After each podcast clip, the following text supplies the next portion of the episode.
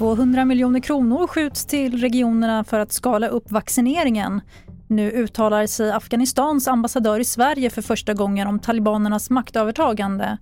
Och Coldplay har bestämt sig för när de ska ge ut sista skivan. För en stund sedan så kom beskedet att regeringen och SKR nu har nått en ny vaccinationsöverenskommelse för 2022.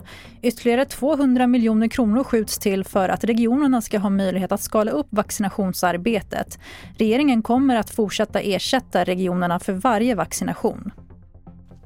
Staten kommer fortsatt ersätta regionerna för varje genomförd vaccination.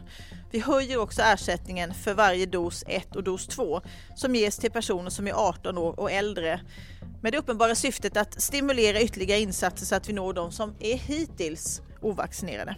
Säger socialminister Lena Hallengren. Om vi stannar kvar i ämnet, för under pressträffen så påmindes det även om nya restriktionerna som börjar gälla idag.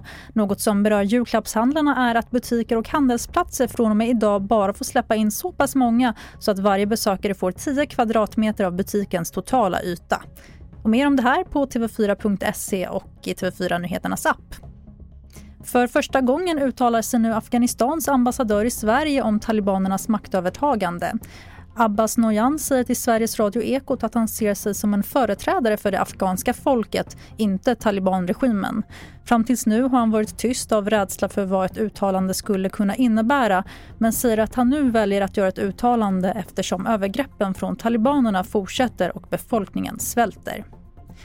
Och vi avslutar med att Coldplay-sångaren Chris Martin nu gått ut med när bandet ska sluta. Till brittisk radio säger han att bandets tionde album som släpps 2025 blir bandets sista. Det tionde och sista albumet kommer lagom till bandets 25-årsjubileum. Fler nyheter i TV4 Nyheternas app. I studion Tannas Edelat.